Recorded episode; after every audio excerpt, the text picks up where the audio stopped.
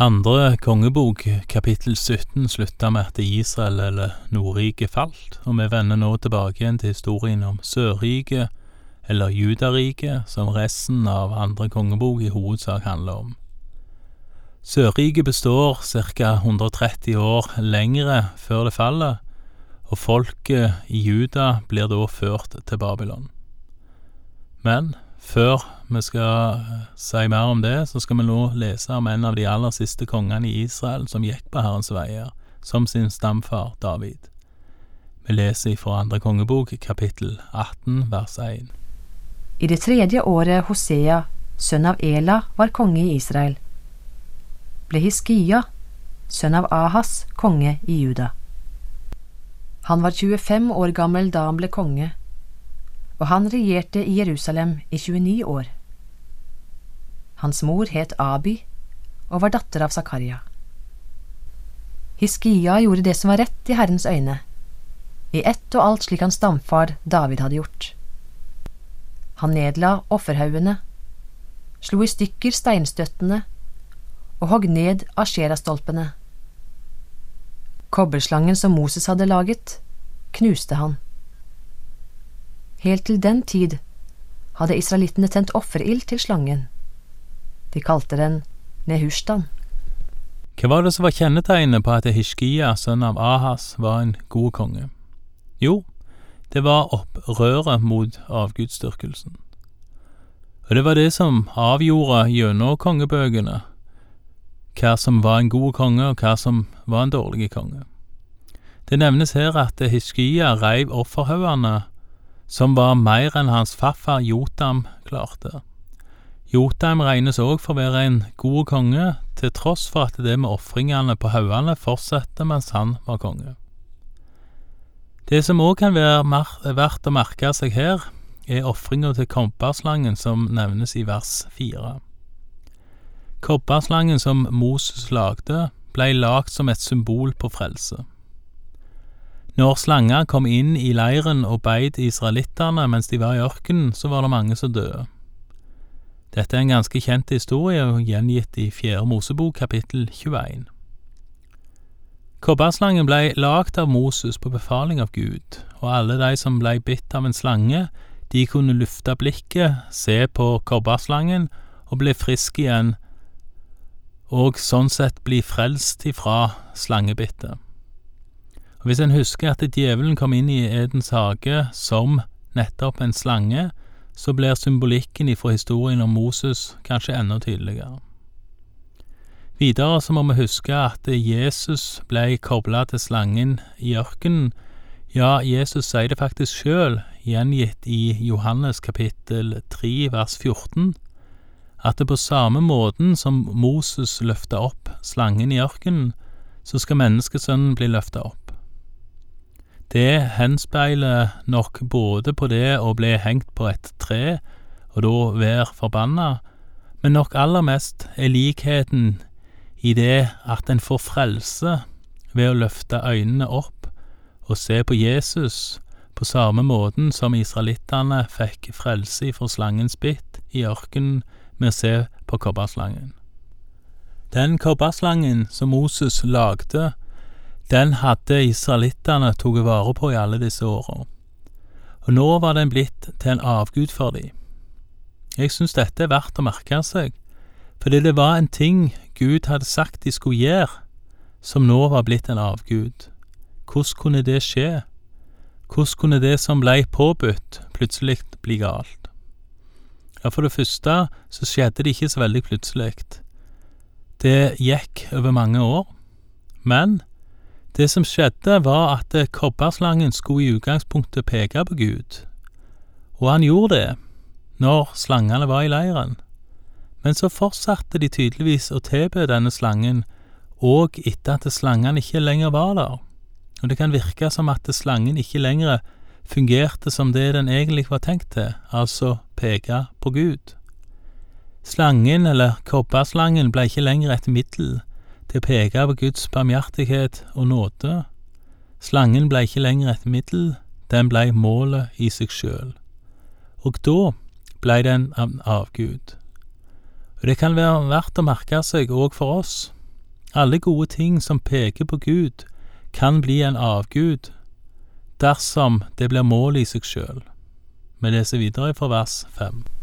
Hiskia satte sin lit til Herren, Israels Gud. Verken før eller siden har det vært hans like blant alle kongene i Juda. Han holdt seg nær til Herren og vek ikke fra ham. Han holdt de bud som Herren hadde pålagt Moses. Herren var med ham, og han hadde lykken med seg i alt han tok seg fore. Han gjorde opprør mot asyrerkongen og ville ikke tjene ham lenger. Han slo filisterne like til Gaza og områdene omkring, både byer med vakttårn og befestede byer. I kong Hiskias fjerde regjeringsår, det sjuende året Hosea, sønn av Ela, var konge i Israel, dro asyrerkongen Salmanassar opp mot Samaria og omringet byen. Da tre år var gått, inntok han den. Det var i Hiskias sjette regjeringsår Samaria ble erobret, det niende året Hosea var konge i Israel. Asyrerkongen bortførte israelittene til Asur og lot dem slå seg ned i Halla og ved Habor, en elv i Gosan, og i byene i Media. Dette skjedde fordi de ikke ville høre på Herren sin Gud, men brøt hans pakt alt det Moses, Herrens tjener, hadde pålagt dem. De verken hørte eller gjorde etter det. Her gjentas at israelittene i Nordriket ble bortført, i en kortere versjon enn det vi leste i kapittel 17. Vi leser nå videre fra vers 13. I det fjortende året Hiskia var konge, dro asyrerkongen Sanherib opp mot alle de befestede byene i Juda og tok dem. Da sendte judakongen Hiskia bud til asyrerkongen i Lakish og sa, Jeg har forbrutt meg. Dra bort fra meg. Hva du legger på meg, skal jeg bære. Asyrerkongen påla judakongen Hiskia å betale 300 talenter sølv og 30 talenter gull. Og Hiskia ga ham alt det sølvet som fantes i Herrens hus, og i skattkamrene i kongens slott. På samme tid brøt kong Hiskia gullet av dørene i Herrens tempel og av dørkarmene, som kongen selv hadde overtrukket med gull, og ga det til asyrerkongen. Her plundrer Hiskia tempelet for gull, og han gir det til asyrerkongen. Den samme Hiskia som vi nettopp leste i vers tre, gjorde alt det som var rett i Herrens øyne. Hvordan kan det henge sammen? Jo, jeg tror det er ganske enkelt. At det ikke er hvor mye gull som er, eller for den del ikke er, i Herrens tempel som avgjør. Det som avgjør, var om en fulgte Guds bud, og et av hans bud var du skal ikke andre guder enn meg. Og det å stole på om Herren er Gud, og da den eneste Gud, er òg et tema som går igjen gjennom hele historien om israelsfolket, helt ifra Abraham. Vi leser videre fra vers 17 om hvordan folket, og også seinere Hiskia, stolte på Gud. Men asyrerkongen sendte hærføreren, hoffsjefen og kommandanten med en stor hær fra Lakish mot kong Hiskia i Jerusalem. De rykket fram og da de kom til Jerusalem, stilte de seg opp ved vannledningen fra Øvredammen, ved veien til vaskeplassen. Der begynte de å rope på kongen. Da gikk borgherren Eliakim, sønn av Hilkia, ut til dem, sammen med riksskriveren Shebna og kansleren Joa, sønn av Asaf. Kommandanten ropte til dem, Si til Hiskia, så sier storkongen, kongen av Asur. Hva er det du stoler på siden du kjenner deg så trygg? Mener du at tomme ord alene gir råd og styrke i krig? Hvem er det du stoler på, siden du har gjort opprør mot meg? Jo, du stoler på Egypt, den brukne rørstaven. Om noen støtter seg på den, trenger den inn i hånden hans og gjennomborer den. Slik er farao, kongen i Egypt, mot alle som stoler på ham. Men hvis du svarer meg, det er Herren vår Gud vi stoler på, da spør jeg deg, var det ikke hans offerhauger og altere Hiskia tok bort da han sa til folket i Juda og Jerusalem, bare foran dette alteret i Jerusalem skal dere bøye dere og tilbe. Inngå nå et veddemål med min herre, kongen av Asur.